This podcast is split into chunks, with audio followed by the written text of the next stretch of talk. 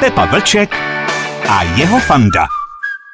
Posloucháte podcast Rádia Impuls Fanda Matějíček a nezávislý hudební publicista Josef Vlček Pepo. Ahoj, Nazar. Po velkém úspěchu minulého podcastu, ve kterém jsme mluvili v podstatě jenom o tragédiích a alkoholu, tak eh, populární hudba o, o těchto věcech je hodně často. Teda musím. Ale stejně reflektuje život, jako život nás všech, že? Život nás všech, ale on ty lidi, protože vlastně jsou denně vystavený nějakému velkému emocionálnímu působení, tak většinou jsou trošičku eh, taky psychicky rozhozený. Že? A zvlášť, když tomu mají nějakou, eh, nějakou náchylnost a většina těch interpretů, protože je interpretem, předává sebe všechno, tak má tu náchylnost. Že? Byly tam takové dva osudy, které vyčnívaly nad ostatními Michal Tučný a Petr Novák. U druhého jmenovaného bychom se zastavili dneska, dneska bychom se věnovali v podcastu právě jemu. Eh, zhruba v době, kdy by slavil 75. Ano, 6. září roku 1945 se narodil, takže to je v podstatě aktuální no, věc. Je to takový to těsně poválečný dítě. I to je možná něco, co se mohlo eh, v té duši toho člověka podepsat. Ty první roky nebyly zrovna příjemný po válce. Petr Novák, tématem podcastu Rádia Impuls s Pepou Vlčkem a Fandou Matějíčkem. On měl takový hodně charakteristický, teskný hlas. No, jo. Mě by nikdy nenapadlo, že z toho může být popová hvězda. Z toho relativně vysoký ještě navíc, že ve srovnání třeba s jinýma zpěvákama. Když si člověk vezme třeba náhrobní kámen nebo tak, tak to je hodně vysoko zpívaný. Ale je pravda, že i on byl vysoký. No, on byl velmi vysoký. Hubený, hubený, vysoký takovým jakoby do sebe skroucený. Mě to připadalo vždycky, když jsem ho vydal. Ty jsi dokonce říkal, že se klátil na podiu. No, to taky, no. no. tak ono, eh, když ty ostatní muzikanti byli o půl hlavy nebo o hlavu menší, tak ono to opravdu vypadalo tak divně, když se tam pohyboval. Petr Novák založil první kapelu v roce 1963, to byli George and the Beethovens. No, on se to nejspíš jmenovalo nějak jinak a po časem to prostě dozrálo do toho názvu George and Beethovens. A byla to kapela, která se v Praze tehdy pišnila nejmladším bubeníkem, no bylo 15 let. A kdo to byl? Jmenoval se Jirásek. Mluvíme o Petru Novákovi, ale on byl hudební samouk, jestli jsem se někde dočetl správně. No, on byl, on byl takový hodně svérázný člověk, který byl strašně nemanipulovatelný, takže to vyučování a tyhle ty věci nebyly zrovna jeho taková silná stránka. Dokonce si myslím, že ho vyloučili z gymnázia, nevím, proč si to myslíš. No, to si myslíš správně, se o tom taky povídalo, že byl vyhozený dokonce nějak těsně před maturitou. No. Jak říkám, on byl, on byl takový řekl bych, neslučitelný s běžnou společností. Byl to tedy lídr v pravém slova smyslu? Já vlastně ani nevím, jestli by se dá říct, eh, že byl lídr. Vlastně ani nevím, jestli, eh, jestli měl charisma nebo ne. On byl vlastně takový eh, No, takový podivín, jo?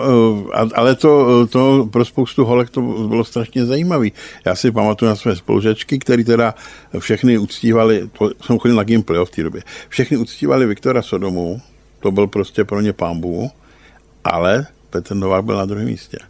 Jak ho brali ty členové kapely? Víme, že ty George Beethovens eh, vlastně stály a padali právě s kariérou Petra Nováka. To je z vnějšího pohledu, ale já si myslím, že ty první George and Beethovens, to byla prostě taková ta kapela, eh, na Slovensku tomu vždycky říkali Gimple kapela, že prostě to byli spolužáci nebo lidi prostě z toho nejbližšího okolí, prostě přátelé, kamarádi, kteří vyrostli třeba, nevím, od první třídy nebo od mateřské školky. Konec konců Ivo Plicka, který eh, mu psal texty, tak to byl jeho soused baráku. Takže ono, ono to prostě ty vazby, vazby tam byly takový, že to byl kolektiv, ale ten Petr, protože byl největší a, a byl zpěvák, že jo, a zpěvák vždycky má tu imič toho lídra, tak jako trošku dominoval. Ale myslím si, že první George and Beethoven byli hodně, hodně kolektivní parta.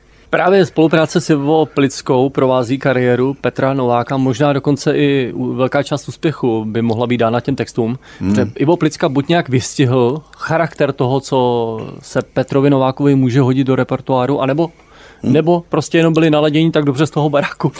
Ano, Ivo Plicka eh, asi by nikdy nebyl dobrý textař. On byl vlastně jenom ten textař pro Petra Nováka, cokoliv zkusil jinam, tak to nefungovalo ale myslím si, že tam prostě byla taková ta chemie, která byla strašně spojená s těma 60. letama.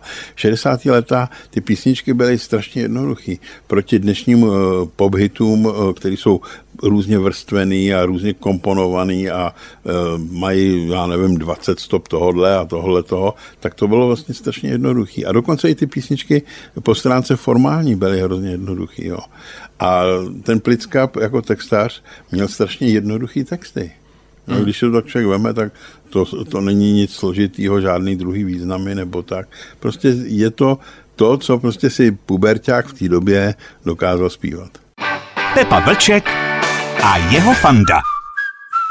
Posloucháte podcast Rádia Impuls dneska na téma Petr Novák, slavný zpěvák, který by se dožil 75. narozenin. Mluvili jsme o Ivo Plickovi, o skupině George and the Beethovens, o teskných textech a teskném hlasu. Kde to přišlo, že se z Petra Nováka stal solový zpěvák?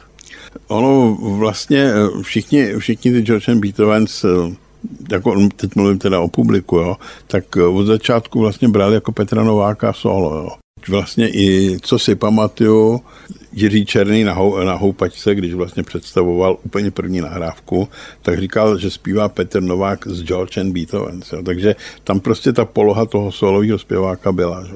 Pak přišlo období, eh, to už byl eh, no, Petr Novák celkem známým zpěvákem, kdy tak asi roka půl dělal s Flamengem, to byla jiná kapela zase, že jo, taky pražská. No a pak znovu obnovil George and Beethovens a zase to byl Petr Novák, doprovázený George and Beethovens. A pak teda někdy v tom roce 1.70 spustil George and Beethovens a bylo to vždycky Petr Novák s doprovodnou skupinou nebo Petr Novák z G&B, jako zkrátka G a B. Vlastně, když to tak vememe, tak eh, On byl vždycky vnímaný jako solový zpěvák. Třeba, že měl eh, kapelu za sebou. S výjimkou toho flamenga, který bylo teda hodně, eh, hodně teda nabitý osobnostma v té době. Jak se tam dostal do toho flamenga? Bylo to tedy krátké, že? Ale... Mm, no, George Beethoven se rozpadli, flamengo hledalo zpěváka v té době, no tak v té Praze se to tehdy, ty, ty kapely, těch bylo, co já vím, 7-8, tak ty mezi sebou prostě přecházeli ty muzikanti jeden k druhému, třeba Myšík nebo tak, tak to prostě byli, eh, byli v několika kapelách třeba. Někde jsem našel, když jsi mluvil o Jiřím Černém, že ta písnička na hrobní kámen v roce 1967, ale nějak se mi to nezdá, jo? vyhrála dokonce první místo ve Zlatém Slavíku. Když Protože jsem si myslel, že už se nevyhlašovala první místa ve Zlatém Slavíku. No, co se týče písniček, tak se vyhlašovaly, eh, vyhlašovala první místa až do roku 1969. Mm-hmm. No a tam to eh, vyhrál Novák s Plickou, ale už se to nesmělo eh, předávat oficiálně, takže jak Ivo Plicka vzpomínal, tak pořadatelé mu předali Slavíka někde, někde na chodbě u záchodku.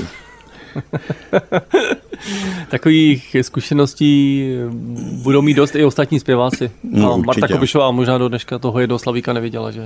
Ona ho dostala dodatečně teda po, po revoluci. Po, po revoluci. No, totiž to bylo to období, kdy jsme mluvili o náhrobním kámenu, kdy společně s Petrem Novákem Ivo Plicka dali dohromady taky písničku Já budu chodit po špičkách, to jsou do dneška příslušníci síně slávy Zlaté české klasiky, písniček Simpulzovic krabičky součást. No to je eh, dokonce i zajímavý moment eh, v historii eh, českého popu začátku 90. let, kdy se objevila řada kapel, takových těch nových kapel toho roku 1990-91, který byly velmi romanticky orientovaný a byli silně inspirovaný právě Petrem Novákem. Dokonce většina těch kapel se sešla na jedné desce a existuje album, který je vlastně věnovaný písničkám inspirovaný Pet- eh, Petrem Novákem. Posloucháte podcast Rádia Impuls s hudebním publicistou Pepou Vlčkem. Posledně si říkal, že když si ho viděl na pódiu, už ten Petr Novák z pravidla měl hladinku. Já bych řekl, že ten alkohol byl jenom součástí toho jeho svérázného životního stylu, protože on skoro vůbec nejedl.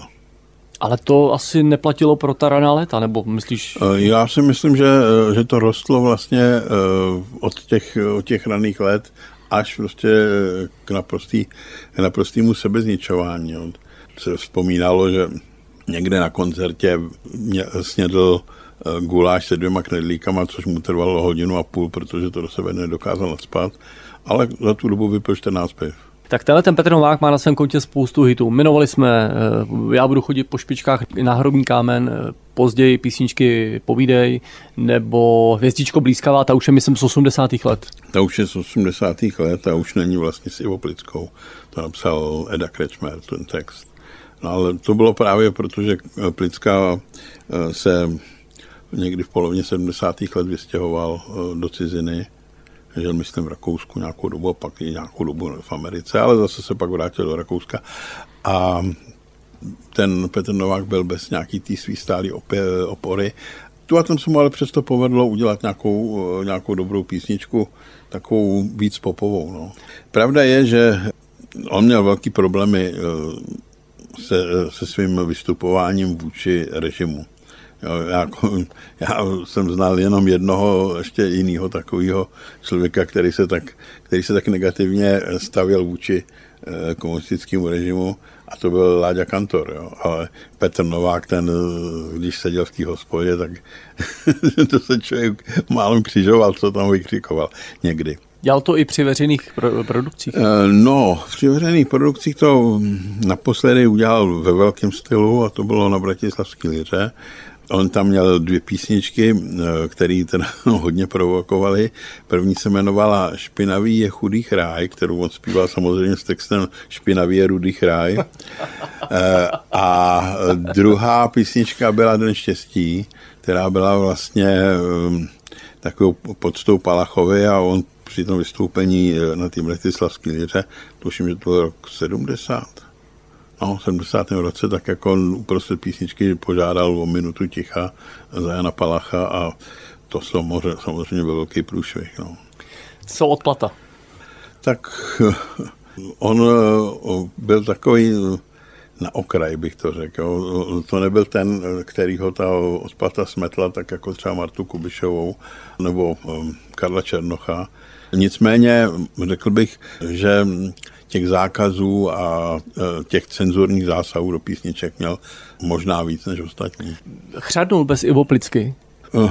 Myslím, myslím, myslím hudebně. E, tak jako on měl docela hezký desky, jo, ale už tam nebyly ty trháky, které byly na začátku jeho kariéry, to znamená Povídej, Já budu chodit po špičkách a tak dále. To byly, to byly písničky, které skoro okamžitě zlidověly.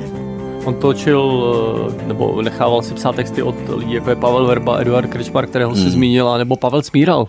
Smíral, jo, počkej, s tím měl taky něco, co, co bylo hitem, jo, přátelství na jentou. Čem je síla najít stejnou řeč i s další nevěstou v přátelství na šestou. Mimochodem, Pavel Smíral vlastně do dneška, myslím, spolupracuje s Petrem Kotwaldem, no, to, ano, to je ano. jako vypsaný, vypsaný umělec, jeden To je vlastně takový, jako byl ten Novák uh, s Plickou, tak uh, Smíral s Kotwaldem, to je tak, to vnímám asi. No, někdy, někdy to prostě šlo, někdy to nešlo, no. Ono, Pavel Vrba je, byl samozřejmě vynikající textář, ale nebyl to, nebyl to ten textař, který byl ideální pro Nováka. Novák měl strašně rád ty texty, které byly čary a Vrba ten se vždycky utápěl pod hromadama různých obrazů a přirovnání, takže to se pak Novákovi strašně blbě zpívalo. Někde jsem se dočetl, že byli kamarádi, tak ono je pravděpodobně, no, že s většinou já, těch já, lidí byli kamarádi. Já ti řeknu ale... přesně, proč byli kamarádi, jo, protože oba dva chodili eh, do baru, který se jmenoval Uradnice, byl zhruba naproti eh, Hard Rock Cafe, to znamená na, na malém náměstí. Tam prostě eh, se dávali, jo. Ně, jako takhle, eh, Novák se tam přišoural v 9, kdy byla ta otvíračka a odcházel teda v těch 11. no a ten Vrba byl přece jenom trošku akčnější, tak tam pobyl jenom tu hodinku, dvě, jo. Ale jako byli hodně, hodně dobrý kamarádi. Posloucháte podcast Rádia Impuls. Havárie Petra Nováka. Petr Novák měl, on trpěl několika zdravotními problémy, dokonce něco, o čem se říká, že to byla mentální anorexie, nebývá hmm. typická pro muže. No, no a... ale jako ty jeho problémy s tím pitím a s tím, hlavně s tím jídlem, tak ty s tím souvisely hodně, teda musím říct. On měl taky dopravní nehodu? No, těžkou dopravní nehodu, to bylo v roce, tuším, 74 nebo tak nějak a dokonce se to potom objevilo v albu, který se jmenoval Kráská zvíře, která ta vlastně ten, to zvíře byl vlastně ten člověk, který byl prostě poškozený tou autonehodou. No, tehdy málem, málem Petrovi amputovali nohu. On měl v důsledku toho potom problémy s chůzí. No přesně tak a to se zase projevilo koncem 80. let, kdy spadnul ze schodu a těžce si zlomil nohu, takže dlouho nemohl chodit taky. Dokonce se mu i do té hospodky, nebo do toho baru, kam chodíval, tak se mu chodilo těžko. Když jsme se bavili posledně o Miroslavu Berkovi z Olympiku, tak si říkal, on byl takový ten smolař, ten pechvogel. Hmm. Byl i Petr Novák tenhle typ? Hmm, no, byl to člověk, který měl eh, spoustu takových jako nešťastných, nešťastných věcí. Jo. On trpěl lupenkou třeba mm-hmm. hodně. No, nebo měl poměrně velký problémy s holkama, on byl strašně plachý. Jo. Takže tyhle ty věci, když se všechny semelou dohromady, tak pochopitelně toho člověka hm, tak nějak sformují. Já se musím dostat k tomu momentu, Jménem Eva Jakoubková v roce 1984 si Petr Novák vzal jednu z nejkrásnějších českých hereček. Mm-hmm. No, která byla tak trošku typově e, něco podobné jako ten Petr Novák. Jo. Má taky měla trošku silný sklon k alkoholu a byla taky taková, a to i na tom hereckém výkonu je občas vidět, že ona je vlastně taková trošku jako mm, introvertní placha. Tak. Takže to se našli dva. Eh, ty víš nějaké podrobnosti k tomu seznámení, protože v písnice Hvězdičko blízkavá je to tak vykreslené, mohl si mít spoustu známých men. Hmm. No, to nevím, prostě eh, eh, Eda Krečmar není z těch textařů, kteří by sahali do o nějakých osobních problémů těch zpěváků. A to byl třeba Zdenek Borovec nebo tak, ale Krečmar ne. Mohla smít sto známých men a já se třás ale štěstí jsem dostal víc než kdy dřív.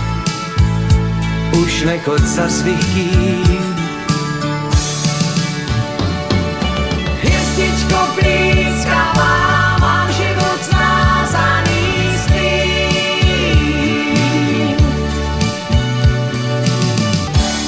Petr Novák si vzal Evu Jakoubkovou a... No a pak tam, pak tam v tom baru seděli oba, no. Pepa Vlček a jeho fanda. Víme, že Petr Novák zemřel mladý, jemu bylo, tuším, že 50, 51, 51 let. 51. V době, kdy se vzal Evu Jakoubkovou, už měl asi velmi pochromané zdraví. Hmm. Ona vlastně zároveň o ně pečovala. No, tak ona byla, tak, byla takový pečovatelský typ, no, ale mm, jako nakonec se rozvedli. I když spolu potom žili dál, tak ale vydrželi jim to snad dva nebo tři roky, to manželství. V 51 letech, Pepo, to je hrozně ten člověk mladý z dnešního pohledu. Tak jako nebyl jediný, jo. Vlastně Petr Kalandra, když to tak vezmeme, tak byl na tom zhruba stejně, že jo, taky. A vlastně ten konec byl velmi podobný. Povídáme si o Petru Novákovi, jednomu z pilířů zlaté české klasiky ve vysílání Rádia Impuls. Já se vracím k tomu momentu od roku 84 do roku 97, kdy Petr Novák zemřel. Když jsem se ptal předtím na to, jestli chřadnul, tak tady už se asi nedám to brát s otazníkem, tady už je to fakt. Petr Novák chřadnul. A co, hmm. co jeho kariéra?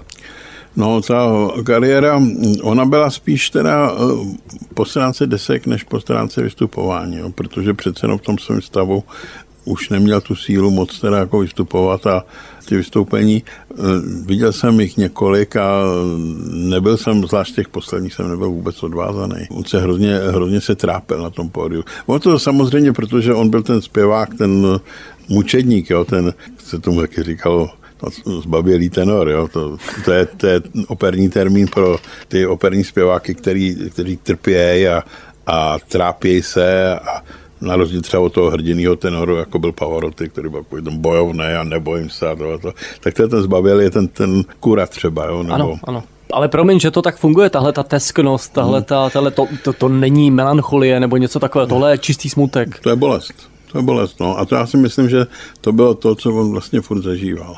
A bylo to, bylo to všechno možné dohromady. Jeho osobní, osobní problémy a komplexy, zároveň jako to vnější prostředí, ve kterém on žil a ve kterém prostě eh, se necítil šťastný. Teď mluvím teda o bolševickém režimu, který tady byl. Musím říct zase ze své zkušenosti, že ženy tohle to milují. Ty nejvíc, nejvíc kupců eh, desek Petra Nováka eh, byly ženy. A to mi potvrdil baskytarista skupiny Hudba Praha Ivan Vinč, který prodával v prodejně Pantonu, která byla v Karlově ulici. Jednou jsem tam se za ním zastavil a on tam přišla nějaká holka a on mi říká, dávej pozor, tak chce Petra Nováka. no, a bylo to tak.